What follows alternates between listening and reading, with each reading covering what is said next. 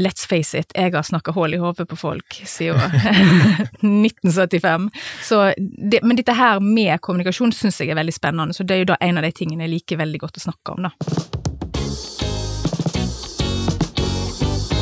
Da lytter du til Sunnhordlandpodden, en podkast med fokus på å framsnakke spennende personer med en eller annen tilknytning til regionen Sunnhordland. Denne uka har jeg ikke fått inn en sponsor, så da utnytter jeg muligheten til litt sånn egenreklame her i starten. Håper det er greit. For i tillegg til å produsere denne podkasten her, så har mitt eh, lekende lette produksjonsselskap mulighet til å ta oppdrag innen foto- og videoproduksjon, da særlig med fokus på innholdsproduksjon til sosiale medier.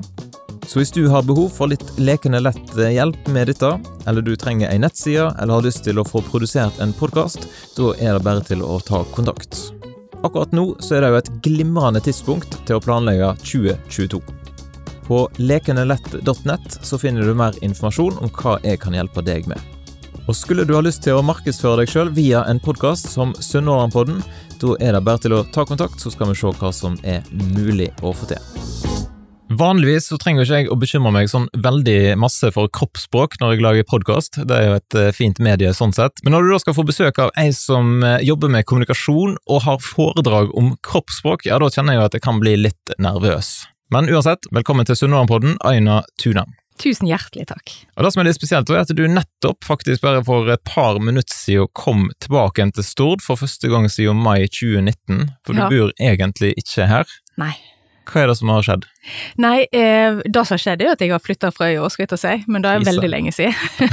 men, men, eh, nei, men jeg bor jo i Sverige, og har bodd der i 14 år. Og så, eh, sist gang jeg var her, var altså da i mai 2019, og så kom korona. Og da har ikke jeg kommet meg inn i landet, rett og slett. Så det var, det var stort i dag å få kjøre over Bømlafjordsbrua. Det var det.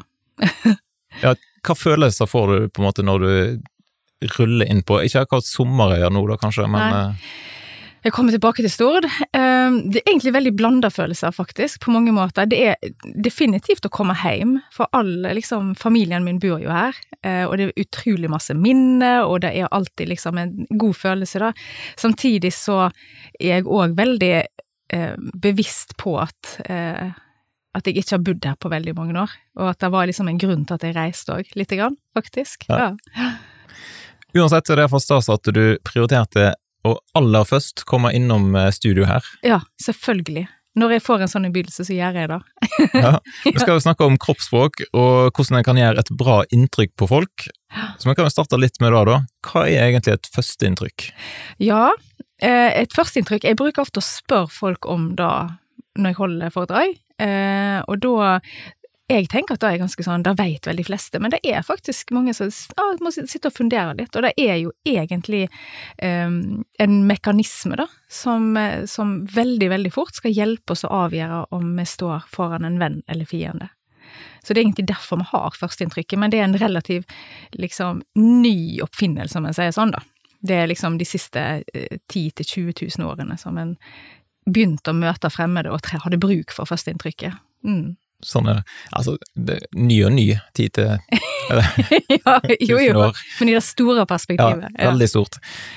Men hvor fort går det, da? Fra du møter en person til du har gjort deg opp et uh, førsteinntrykk? Ja, altså ifølge forskerne på området, da, eh, så, så går dette veldig, veldig fort. Og det er Her snakker vi millisekunder, liksom. Uh, så da en på en måte merker, da, var jo at en kan, en kan dra ned tida mer og mer og mer, og få det samme resultatet. Så det er vel egentlig da en sier. Så det er en, en tiendedels sekund. Såpass, ja. Ja. Mm. Ok, så når jeg kom ut av huset her i dag og tok imot deg på, på trappa, ja. hva tenkte du da? Nei, for det første var det veldig mørkt, så jeg, så jeg så deg ikke så godt. Nei, men, eh, Hjelper med litt mørkt. Ja, sant, men, nei, men jeg har jo, jeg har jo danna meg førsteinntrykk av deg eh, lenge før, da, får jeg sett bilder av deg og så videre, og sånt, og da er det jo, det er jo ansiktet da, som vi ser på, det er liksom den første indikasjonen vi har, så ja. Mm. Ja, hvordan er resten av kroppen? Er det kun ansiktet som er viktig? Ja, for i og med at det går så fort, så er det jo på en måte ansiktet du må forlite deg på, da. Eh, og da, da er det litt sånn ja, i, i veldig korte trekk, for dette er en hel vitenskap som ikke jeg kan noe om, for å si det sånn, men, men da er det liksom Jo mer eh, tillitsinngivende du er, da, eh, i ansiktstrekkene, jo bedre er det. Og da sier en sånn, hva er det minst, liksom, hva er den minst truende personen du kan møte? Eh, og da er jo en liten baby. Sant? Så jo mer du ligner på en liten baby, jo bedre er det. Ok. Kan love godt for Ole Gunnar Solskjær, kanskje? ja, så babyface er helt rett. Ja, det er det. Mjuke trekk, sant. Altså store øyne, en sånn veldig fin, fin ting, og munnen som peker oppover, og ja. I foredraget ditt så snakker du om eh, noen nøkler, da, Ja. som kan låse opp eh, eller gi mulighetene for å ha et mer eh, eller et bedre kroppsspråk. Ja, eller det er liksom tre ting som vi leter etter, da, eh, når vi danner oss et førsteinntrykk. Videre, da, ifra dette her initialet når du ser ansikt og så videre. Og da er det tre ting som en kan som en kan tenke på at en leter etter, men òg tre ting som en kan tenke på når en vil gi et godt førsteinntrykk. Og da er det eh, varme og pålitelighet og kompetanse. Det er liksom de tre tingene som, som eh, du så fort som mulig bør prøve å gi, da. Eh, Og dette her er jo da en liksom ser innom, innenfor retorikken, så snakker en om etos, patos og logos, sant. Altså det, det er da liksom de tre nøklene til å overbevise noen, egentlig, da. Eh, Så hvis du klarer å formidle med kroppsspråket ditt, med måten du kommuniserer på, eh, varme, pålitelighet og kompetanse, da har du liksom kinderegget. Da har du klart det. Sånn er. Og dette reiser rett og slett du rundt og underviser folk om og har seminar om. Ja, altså jeg har, jeg har, jeg har flere foredrag. Veldig mye av det jeg holder foredrag om, det er kobla til kommunikasjon, og så er det en- god del av det er liksom kommunikasjon og sjølutvikling, egentlig, da. Um, og, men kommunikasjon har gått som en sånn rød tråd gjennom hele min Altså, let's face it, jeg har snakka hull i hodet på folk siden 1975. Så det, men dette her med kommunikasjon syns jeg er veldig spennende, så det er jo da en av de tingene jeg liker veldig godt å snakke om, da. Dette skal vi komme litt mer tilbake igjen litt kort, om, men uh, før vi går helt inn på dette her, så må jo folk få lov til å bli litt bedre kjent med deg, de som ikke kjenner deg fra før. da. Ja. Eh, og da er spørsmålet, hva er det som beskriver deg, da, rent bortsett fra varme, pålitelighet og, og kompetanse? Ja, hva som beskriver meg? Eh, nei, det er når jeg tyter, da. Jeg snakker, tyter jo veldig mye, jeg gjør det. Um, og jeg Jeg tror mange skulle nok beskrive meg som ganske engasjert. Eh, når jeg er interessert i noe, eller har lyst til å formidle noe, så, så blir jeg fort veldig engasjert. Eh, jeg kan si at jeg er, jeg er gift. Jeg har tre unger. Har bodd i Sverige da siden 2007 og er utdanna journalist og jobba som journalist eh, i ganske mange år. Så når jeg flytta til Sverige, så begynte jeg å jobbe med Jeg jobba som frilanser en stund, og så begynte jeg å jobbe med PR og kommunikasjon og markedsføring. Så Du har gått over til the dark side. ja, jeg, ja, akkurat da. jeg pleier å si det til folk, så det er ingen som forstår det, men det er andre journalister bruker å forstå det. Ja, jeg har jo det. Ehm, og så, så i tillegg til å holde forelesninger og sånn, så jobber jeg som markedssjef på et, eh, et tech-selskap i Gøteborg. Det høres jo veldig spennende ut. da. Ja, det er det, Kanskje det høres mer spennende ut enn det er, men det er i alle fall en utrolig liksom, Det er en veldig spennende tid å jobbe med markedsføring. Eh, og da innenfor, innenfor tech er det òg ekstra spennende nå, da. Du har ifølge ryktet som jeg har eh, snappa opp, vært flink til å komme med anbefalinger og råd.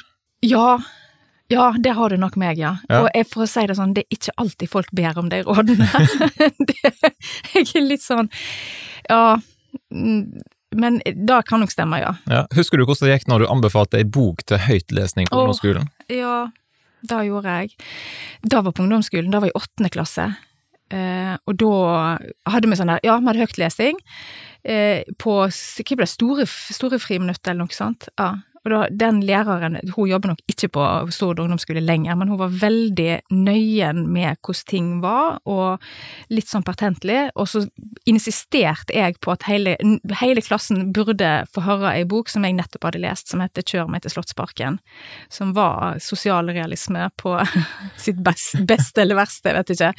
Men den, og hun satt på kateteret, husker jeg, alle liksom satt og du vet, hadde O'boy oppi melkeboksene sine og rista godt og liksom skulle innta disse her skjevene sine som de hadde med seg, og så der begynner hun å lese denne boka, som jeg hadde glemt var egentlig ganske frisk og freidig. Den var nesten på grensa til mykpornografisk. Såpass, ja. Ja, så da ble, da ble da, ja. Så hun satt og leste, og så var det litt sånn, ja, han, han grep henne på Nei, hva er dette her for noe?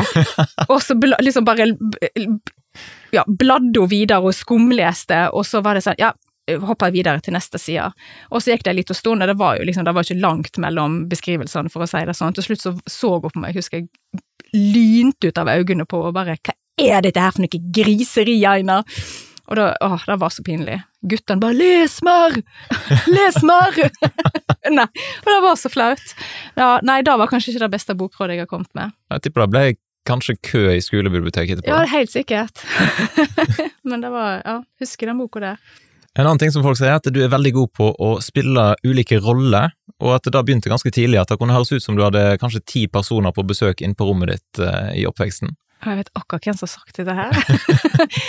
ja, jeg var jo, jeg jo attpåklatt i, ja, virkelig attpåklatt, og hadde større søsken som ikke var interessert i å leke med meg, og vokste jo opp i ei veigrop på Sunnmøre, for jeg bodde jo faktisk på Sunnmøre til jeg var ni år, før jeg flytta til Stord. Stemmer, var det Fiskåbygd? Fiskåbygd, ja, og ja. Var, der var det ikke mye som skjedde, kan jeg fortelle. Uh, så jeg, jeg vet ikke, det var nok bare en måte å litt sånn flykt, tror jeg, og få ting til å skje, og og da tror jeg på en måte Og det der syns jeg er litt interessant, fordi mange ganger har jeg tenkt sånn at uh, ja, hvor rar en var som barn, eller sånne type ting. Men eh, den derre papegøyegreia som jeg holdt på med, etterligna mye folk. Jeg syns det var veldig fascinerende hvordan folk snakker, for eksempel, og etterligna dialekter og sånn. Og så når jeg flytta til Sverige, spesielt ble dette tydelig når jeg flytta til Sverige, så eh, kom jeg dit og snakka jo 110 km i timen, og så ser jeg bare hvordan liksom blikket til det jeg snakker med blir helt sånn tomt. Og så er det sånn, du forstår ikke hva jeg sier du nå? Bare, nei, jeg fatter ingenting. nei, ok. Og så tenkte jeg, jeg kan ikke snakke sunnhordlandsdialekt, for de forstår det ikke. Og så begynte jeg å svorske. Og det var så fælt å høre på, jeg klarte ikke det sjøl, for det var sånn, hei, hur ni? Nei, da var liksom da var maltrakterer to språk. Så da begynte jeg egentlig å bare etterligne svensk. Så jeg liksom jeg lata seg var liksom eh, vi på Saltkråkan-type greier helt til det på en måte satt, da. Så det som var så artig, var at det, når jeg da møtte gjerne de samme folkene igjen, og jeg liksom tullesnakka svensk, så var det sånn ja, nå bør jeg faktisk fatte norske. Ja, det var sånn, nå snakket jeg nå egentlig svensk, da, men greit nok. Men da var Så det, jeg er liksom et, et, et, sant eksempel på fake it till you make it. Mm. Det forklarer kanskje hvorfor du er god på sunnmørsdialekt i dag?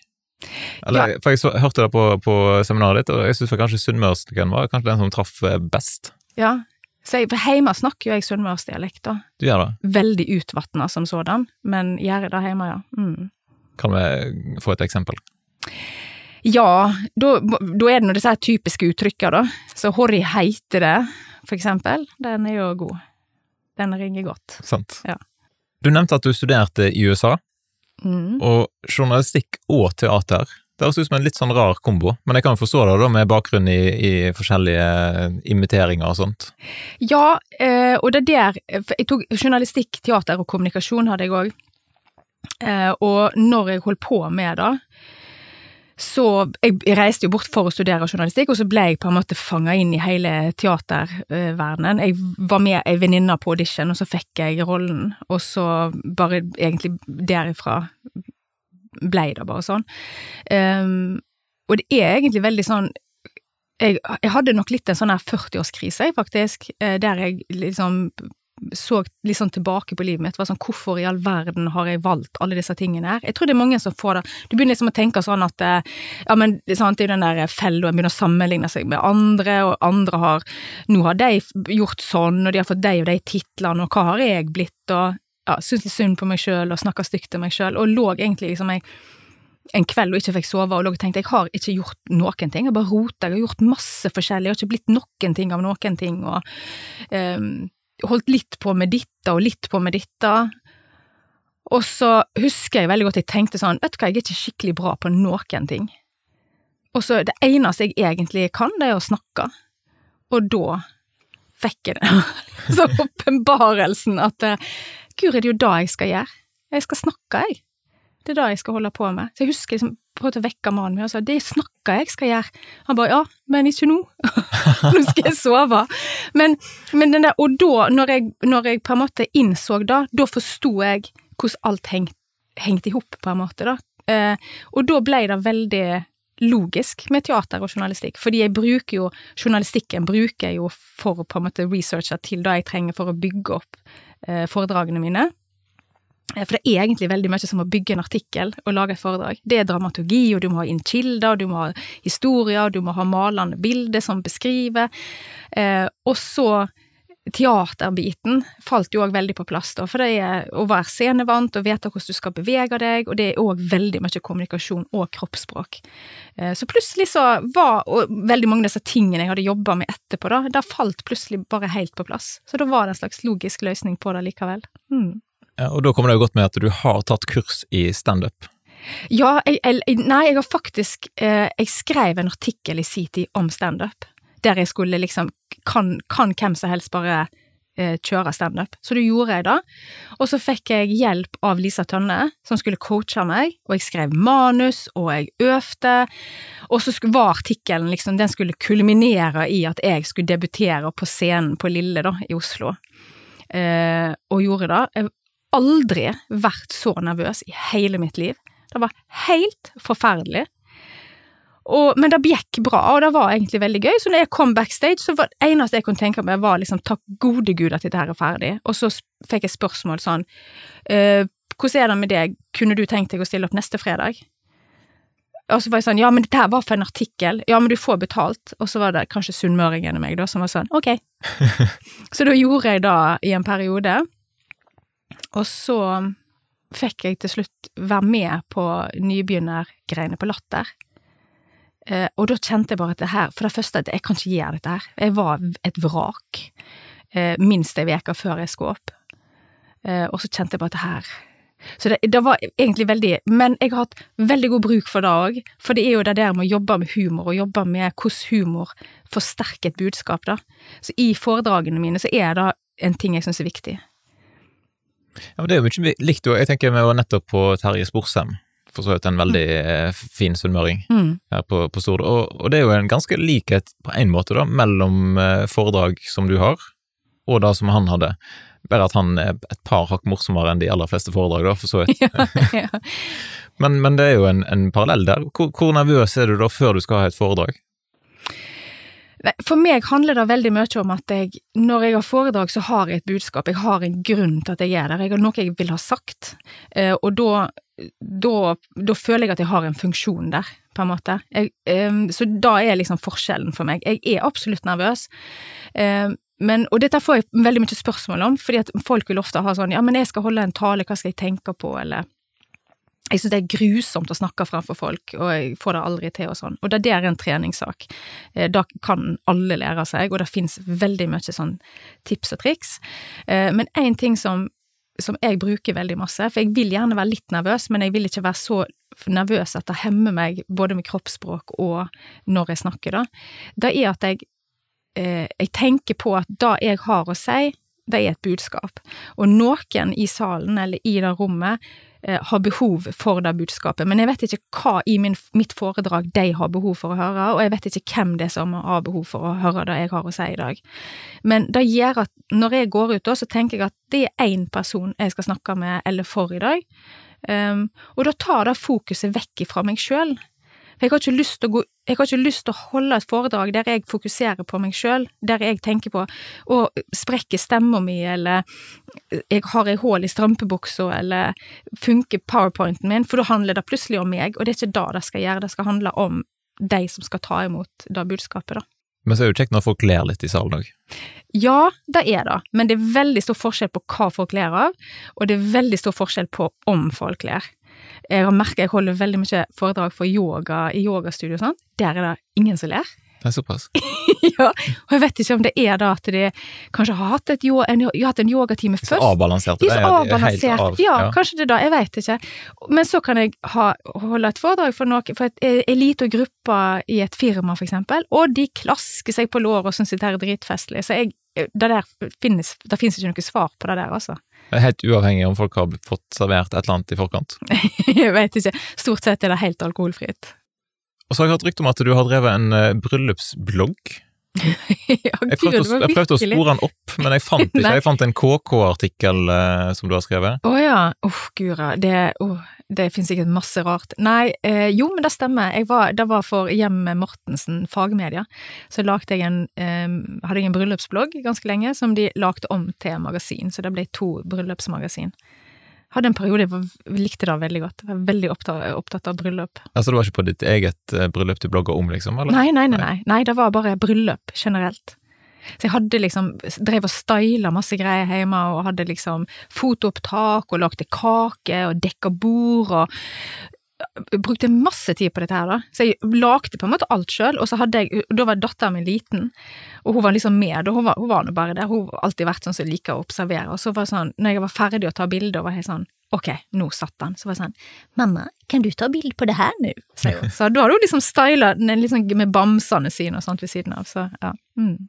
Og så sa du at du følte at du ikke hadde gjort veldig masse, men jeg syns jo den CV-en din var jo relativt lang med ulike ting på. Kanskje du gir noen sånn høydepunkt ifra yrkeslivet? Du har jo vært innom alt ifra Bømlo Nytt Ja. til eh, Bømlo Nytt er jo, det var jo faktisk, det var jo, jeg hadde, jeg hadde praksis, eller ja, praksis i Haugesunds Avis, på Stord-kontoret, men den første liksom journalistjobben jeg fikk, da var jeg på Bømlo Nytt. Og da var eh, egentlig det beste som kunne skjedd, faktisk, fordi at eh, det er litt sånn, nå studerte jeg i USA, og da de er så flinke til det, det er jo å bekrefte for deg hver eneste dag at det er helt verdt å betale 150 000 i år og gå på vår skole. så altså så fullpumpa av propaganda på at dette her blir bra, vet du. Nå er det ut i verden og liksom, ja. Eh, og så kom en jo hjem, da, så var det jo ikke bare bare å få jobb.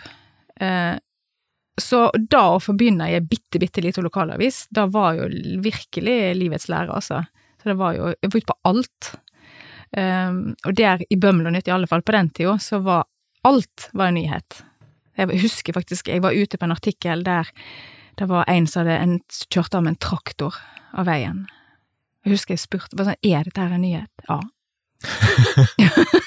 så jeg for der, og så husker jeg parkerte, jeg fikk låne en sånn blå Golf, så jeg parkerte i veikanten, og så står han der stakkaren som har kjørt av veien, og bare står og klør seg i hodet og ser på traktoren, og jeg Hei, hei, heter Aina, kom fra Bømlo ut. Jeg skal ikke i noe avis! Du vet, dritforbanna. Dra til helsike! Ble dritforbanna da jeg ja, tok bilde av han og for derfra. Du kan tenke deg sjøl, det er jo ikke noe kjekt. Det er Sånn- Dokumentert av lokalpressen at du har Ikke helt på høyden da, kanskje? Nei. Nei, så da var Nei, men så var jeg der, og så ble det så, Og da flytta jeg til Østlandet. Og da var det liksom Tønsbergs Blad og Drammenstidene, og så var jeg med å starte opp et magasin i, i Oslo som ble, ja, som ble Bonnier Media senere, da. Eh, og så Og frilans og Ja, det har vært egentlig veldig masse rart sånn. Og så havna du i Sverige. Ja. Hva skjedde? Nei, det var jo en svenske, da. Møtte en svenske på Stord, på tapperiet. Såpass? Ja da. Ja. Så i kjelleren på tapp... Eller, var, eller eh, tapperiet lå jo i en kjeller, ja. ja. Nei, og så spurte han etter telefonnummeret mitt, og så, så sa jeg at pleide jeg alltid, da, nå høres ut som jeg ga vekk telefonnummeret mitt til Kreti og Pleti, det gjorde jeg ikke, men jeg pleide alltid å bytte, hvis noen spurte, så pleide jeg å bytte det siste nummeret, det gjorde jeg ikke med han. Da spurte han, kan jeg ringe deg? Ja, du kan ringe meg. Ja, tid da? Ja, det kan mandag blir det mye, tirsdag. Prøv, prøv på onsdag ettermiddag, du. Så da Bare tull. Men da ringte han på onsdag ettermiddag. Så da, da var egentlig det som gjorde det. Så han bodde, han bodde jo i, i Norge i åtte år, og så når jeg da ble gravid, så var det sånn ok, nå må vi, nå må vi finne familie. For, ja. Og da var det egentlig, egentlig liksom hjem til hans familie i Göteborg, eller hjem til min familie i, på Stord. Og da vant Da, da vant Göteborg. Ja, sånn ble det. Et par hakk større, da. Enn Göteborg? Ja. Ja, ja. Men Göteborg er egentlig en sånn eh, koselig storby. Det er ikke, det er ikke sånn travle Stockholm. Göteborg er en veldig herlig by, og så er det, er det en slags vestlandsfølelse i Göteborg. Det er mange som ikke vet det, men det er liksom, det er fiskere, gode gubber. Det, altså, du får litt den derre Ja, det er en arbeiderby, sant. Så, ja. Det, det kom jeg, og tenkte sånn, her kan jeg bo. Her kjente jeg meg hjemme, liksom. Mm. Var det forresten etter denne her eh, åpenbaringen om Natto at du starta eget eh, foretak?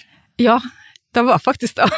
ikke, ikke dagen etterpå, men sånn i, ja, i forlengelsen ja. av det. Mm. Og der driver du med coaching og foredrag og, og prater masse, da, tydeligvis. Ja, prate da. Eh, nei, jeg holder foredrag, og så er jeg konsulent. eh, og holder liksom kurs og foredrag, da, for det meste. Mm. Hvordan har det vært nå i koronatida? Helt dødt. Nei, ja. Nei, men det har jo vært Det som faktisk skjedde, var at jeg eh, den 12. mars så hadde jeg egentlig masse innbooka i Norge, og så bare døde alt den dagen. Eh, og så var det sånn, ok, greit, hva gjør jeg nå? Og så ja, gikk jeg nå litt i tankeboksen, da, men så begynte jeg med online-kurs, og gjorde litt sånne type ting. Det er ikke lett å holde foredrag om eh, kroppsspråk på Zoom, liksom. Nei, men jeg har sett et opptak som du har gjort, uten publikum i salen. Ja. Og det var imponerende, egentlig, at det gikk an å holde tråden i et seminar med kun et kamera. Ja, for da lekte jeg meg inn, da fikk jeg Jeg har en del gode kontakter, så da fikk jeg låne et studio, profesjonelt studio og spille det inn i. Og da sa han dette her koster dritmasse, men du skal få det gratis. Men bare så du vet, du har liksom fra ni til tre på deg, eller hva det var. Noe sånt. Eh, så kom forberedt, og bare da er den tida du har, kjør på. Og da tenkte jeg, her, igjen da, sunnmøringen sikkert, her må en jo bare passe på. Så da durte jeg gjennom to, eh, to foredrag, liksom egentlig rett, først på norsk, så på svensk. Og da var jeg helt utslitt etterpå. For det er noe med når du ikke har publikum, og du bare står og snakker til et kamera, så er det, det er liksom så dødt. Du får ingenting tilbake. Um, ja, så da, da det var en utfordring. ja, det tror jeg faktisk veldig. Og her kommer du tilbake igjen til dette her med kroppsspråk og eventuelt kroppsbråk. Ja. Eh, hvordan ble du interessert i det, egentlig? Ja, eh, jeg tok jo ganske mye kommunikasjonsfag når jeg studerte, eh, og så vel, og så egentlig, du vet, når du holder på med teater og sånn, så er jo både journalistikken og teateret er veldig mye kroppsspråk, men en tenker ikke over det. Så det var for meg var det egentlig ting som jeg alltid syntes var interessant, men jeg forsto på en måte ikke at det var jo da jeg hadde brukt. Så på teateret så er det jo mer at du, du studerer kroppsspråk, og så liksom legger du til lag av kroppsspråk for å bygge en karakter. Eh, mens på, med journalistikken så var det jo mer at når du skal møte folk eh, i forskjellige situasjoner. For jeg kunne jo på en og samme arbeidsdag så kunne jeg snakka med eh, liksom en konsernsjef og eh, noen som hadde vært med på ei ulykke, jeg intervjua kanskje folk som eh, hadde en tragisk livshistorie.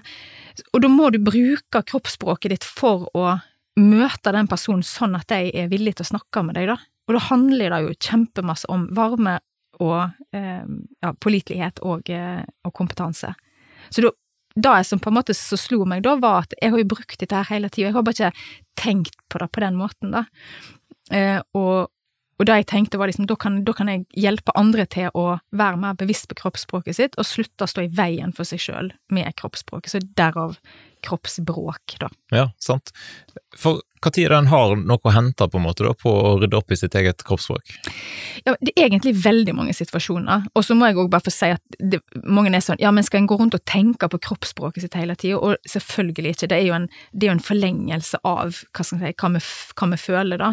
Men i de situasjonene du for eksempel vil gjøre et inntrykk, eller du har et viktig budskap, eller du er i et rom med veldig dominante personer, for eksempel, så har vi en tendens til å få et ikke-dominant kroppsspråk, eller et forminskende kroppsspråk. Spesielt gjør kvinner dette her.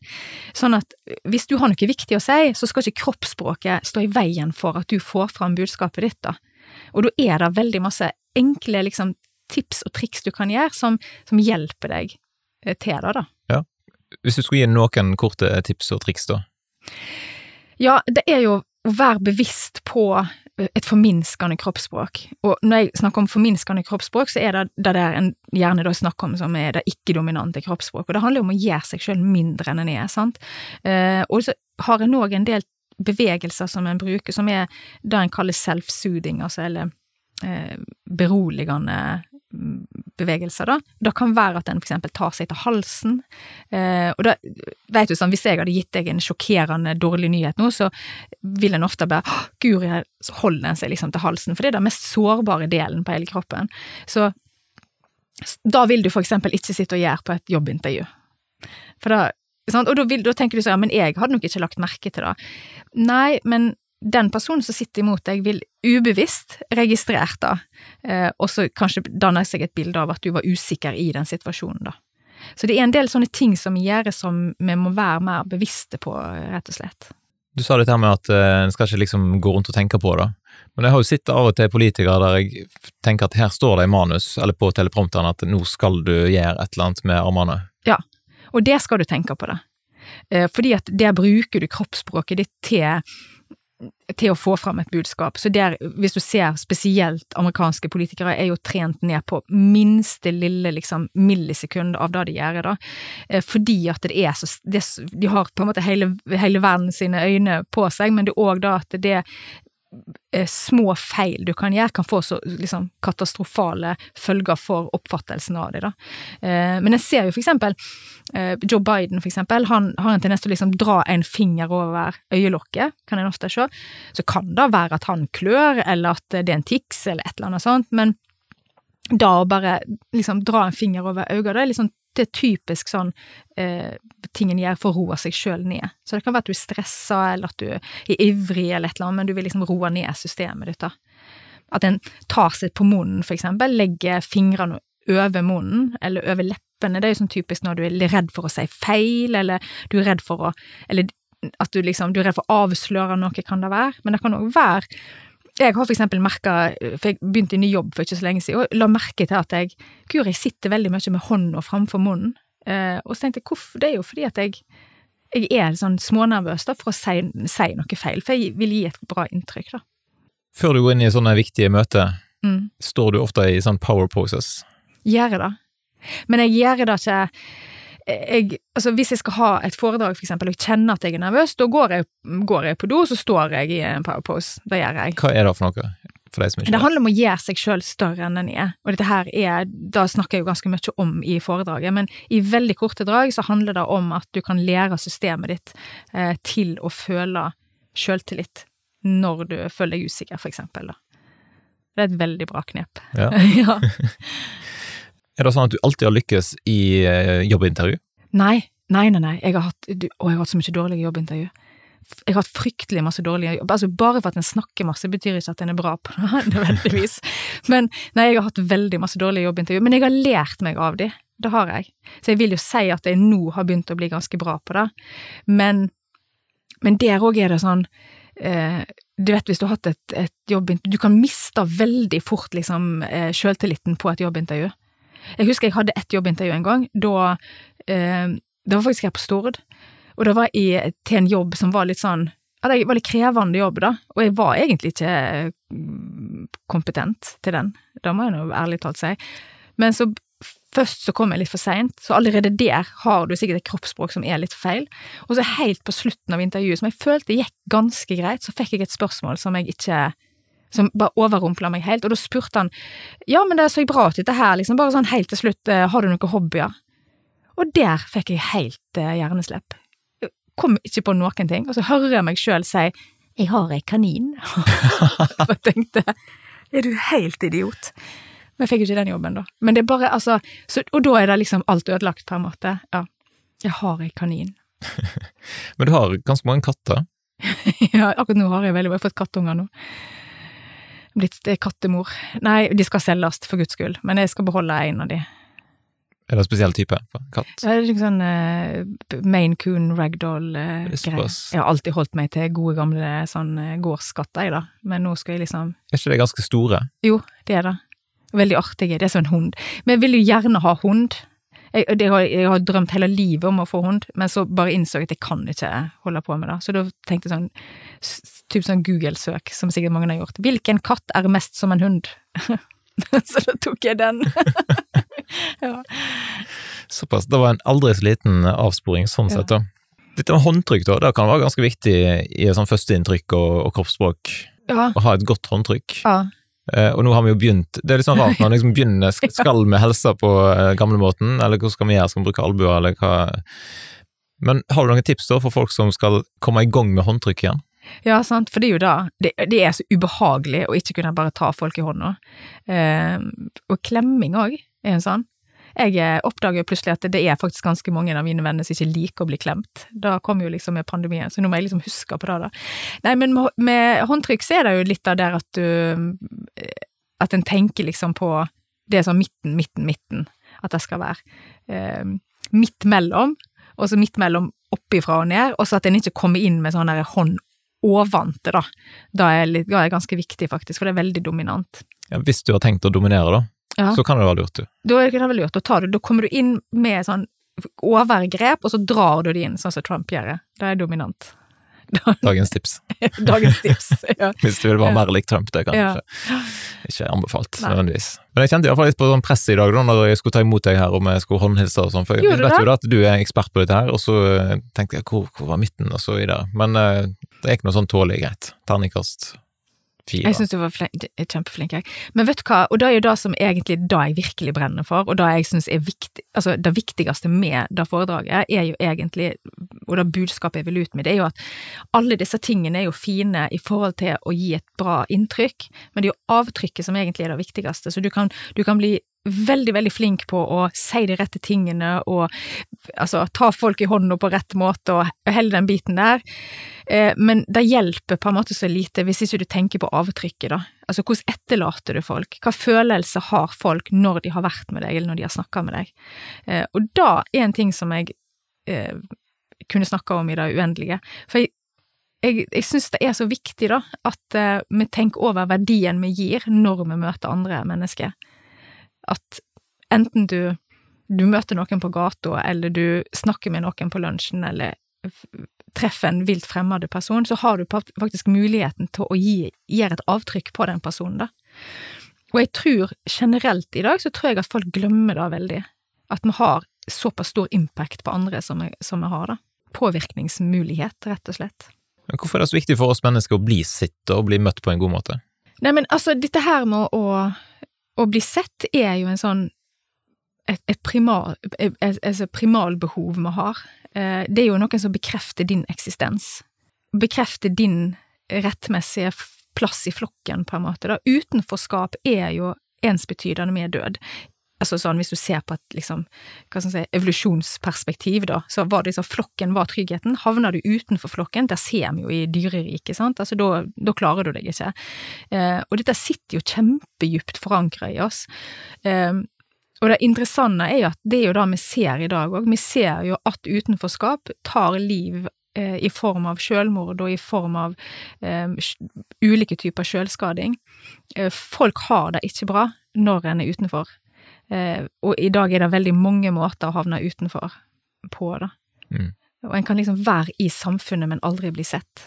Kan det òg ha noe med teknologien å gjøre? sant? Altså At vi, vi er så opptatt av disse skjermene, vi går og ser ned i dem, vi har på oss headset og glemmer å se dem rundt oss. Ja, jeg tror det har mye med det å gjøre, men jeg tror òg det handler om at vi er um, Vi er så sjølopptatte på mange måter, da. Altså, jeg tenker jo på det, liksom jeg, I og med at jeg snakker mye, sånn, så kan jeg tenke sånn etterpå nå sa jeg noe dumt, det skulle ikke jeg ha sagt. Og så sitter jeg og liksom har et sånn tankekjør på sånne ting. Eh, og så, jeg tror det var datteren min som sa det, faktisk, var sånn, det er, det er ikke sånn at folk sitter og bryr seg om hva du har sagt og gjort. Så sånn, nei, det er jo helt sant, for alle sitter og tenker hva har jeg gjort, hva hadde jeg på meg, og hvordan kunne jeg gjort det annerledes, altså, og det er da vi må komme vekk ifra, da, vi må på en måte flytte fokuset vekk ifra oss selv, og over på de personene vi faktisk møter, eller eh, interagerer med, da. Litt sånn som jeg snakket om det der med foredraget. Så i det øyeblikket jeg fokuserer på den ene personen som skal ha et eller annet budskap av det jeg snakker om den dagen, så er ikke det så nøye med meg selv lenger, på en måte, men i det, i det øyeblikket du tillater deg selv å være sjølopptatt, da, og fokusere på alle dine greier og issues, så, så blir det altoppslukende veldig fort. Nå skal du altså få lov til å slippe ut av studio her snart, og, og komme hjem og slappe av litt. Og så skal du ut og ha foredrag i morgen. Ja, Det skal jeg i Haugesund, og det gleder jeg meg veldig til. Og det er noe med det der, altså det er en sånn utrolig eh, energi å få snakke foran folk, og ikke stå bak en skjerm, og så er det veldig, veldig eh, for meg annerledes å få holde foredrag på norsk og ikke på svensk. For det er noe med det, selv om jeg er flytende på svensk og det er komfortabelt for meg, så er det noe med å få ha sitt, liksom snakke sitt eget morsmål, da. Og så er det jo ekstra spesielt å få være på Vestlandet. Det er jo alltid stas, Ja. vil jeg tro. Eh, Men hvis folk har lyst til å følge med på deg, hvor hen eh, følger de best? eh, Hjemsida mi heter tunemtalks.com. Den fins på norsk og svensk og engelsk. Eh, og så er det Tunem Talks på eh, Instagram. Ja, det er vel det. Ja, og. Vi legger òg inn eh, lenke i beskrivelsen til podkasten hvis folk vil Ja. gå inn og klikke der. Ja, ja, det er Sånn sett. Mm. Så det kan de gjøre. Men eh, vi ønsker iallfall lykke til videre med masse prating. Tusen takk. Jeg snakker så lenge noen gidder på, jeg. Det kunne blitt en veldig lang podkast, men eh, vi, vi får rett og slett bare kutte den her. Jeg er veldig glad i lange podkaster, men eh, det hadde vært interessant for så vidt å visst eh, hva folk som lytter på, da. Gi gjerne en tilbakemelding på lengde og innhold på podkasten, sånn sett. Hva syns du forresten om podkast? Åh, oh, det varierer veldig, men jeg liker gode, lange podkaster. Men da er det gjerne sånn dokumentariske som jeg kan følge. Det er ingenting som er kjekkere, syns jeg, når du finner en podkast som du bare Å, herlighet, denne var bra. Vet du hva, han finnes på seks sesonger, og det er 344 episoder. Yes, da vet jeg hva jeg skal gjøre. Så bra. Tusen takk for besøket, iallfall. Tusen takk for at jeg fikk komme hit i dag. Takk for at du lytta til denne episoden av Sunnhordlandpodden. Og likte du det du hørte, da er det veldig kjekt, både for meg og ikke minst for gjesten min, om du vil gi en tilbakemelding. Eller kanskje du har lyst til å dele episoden med noen som du tror kan ha glede av den. Og om dette var første gangen du lytter til podkasten, så har jeg noen oppfordringer til deg. A. Sjekk ut flere episoder. Jeg har hatt veldig mange flotte folk på besøk i studio med mange spennende prosjekt. Og B. Slå følge med podkasten på Instagram og Facebook, så hold med kontakten der. Og se, Bli med og styrk framsnakkingskulturen i Sunnhordland. Jeg tror da at når vi heier på hverandre, så vil det bety en stor positiv forskjell for regionen vår.